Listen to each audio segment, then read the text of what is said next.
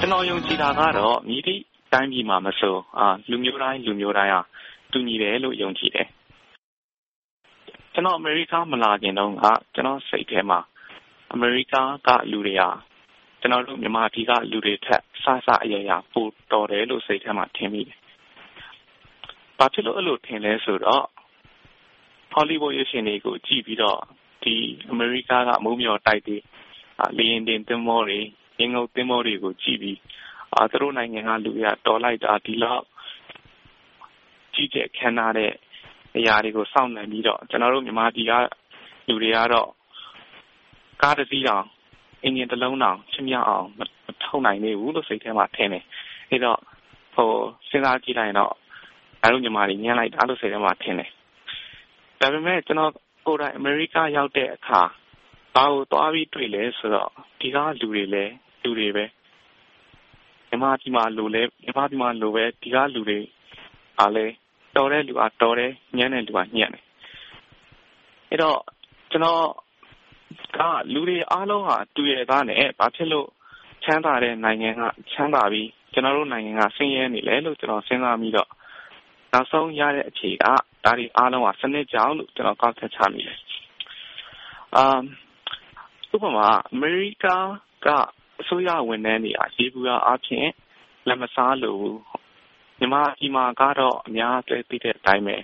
အကျင့်ပျက်မှုက အရမ်းများတယ်။ဒါကိုကြည့်ပြီး အမေရိကန်လူမျိုးတွေဟာ ကျနော်တို့ လူမျိုးတွေထက် အကျင့်စာရိတ္တ၊ဝန်ထမ်းစိတ်ဓါတ် ပိုကောင်းတယ်လို့ အပေါ်ယံကောက်ချက်ဆွဲလို့ရတယ်။ဒါပေမဲ့ ကျနော်တို့ နားလည်ထားရမယ့်အချက်က ဒီအမေရိကန်လူမျိုးတွေလည်း ကျနော်တို့ ကြီးပြင်းခဲ့တဲ့စနစ်အောက်မှာ ကြီးပြင်းခဲ့ရင်ဒီ အမေရိကန်ရဲတွေလည်း လက်စားမှာပဲလို့ ကျနော်ယုံကြည်တယ်။အလားတူပဲ ကျနော်တို့ မြန်မာလူမျိုးတွေလည်း စနစ်ကောင်းကောင်းအောက်မှာ ကြီးပြင်းလာခဲ့လို့ရှိရင် ကျနော်တို့ မြန်မာဝန်ထမ်းအများစုဟာ လက်စားကြမှာ မဟုတ်ဘူးလို့ ကျနော်ယုံကြည်တယ်။ဒါကြောင့် ကျနော်တို့ဟာ အမေရိကန်မှမဟုတ် တရုတ်၊ရုရှား ဘယ်လူမျိုးကိုမှ အထင်ကြီးစရာမလိုသလို အထင်သေးစရာလည်း မလိုဘူး။ နိဂုံးချုပ်ရရင် တိုင်းပြည်တပြည်မှာ လူမျိုးဆိုတာထက် စနစ်ကသာ တိုင်းပြည်ရဲ့ ကံကြမ္မာကို အဆုံးအဖြတ်ပေးတာလို့ ကျနော် ယုံကြည်တယ်။အမေရိကမှာကတော့ အရမ်းကံကောင်းတဲ့အချက်က အမေရိကန်ကို စပြီးတည်ထောင်ခဲ့တဲ့ Founding Father လို့ခေါ်တဲ့ လူတွေဟာအရမ်းလည်းတော်တဲ့အပြင် စိတ်ထားလည်းမှန်တဲ့အတွက် ကိုယ်ပိုင်အာဏာကိုယူဖို့ မစဉ်းစားဘဲနဲ့ တိုင်းပြည်အတွက် အရမ်းကောင်းတဲ့စနစ်ကို ချပေးနိုင်ခဲ့တယ်။ ကျနော်လည်းဒီနေရာကနေပြီးတော့မြန်မာပြည်မှာစနစ်ကောင်းတခုအချိန်တိုအတွင်းမှာတည်ဆောက်နိုင်ဖို့မျှော်လင့်ပါတယ်။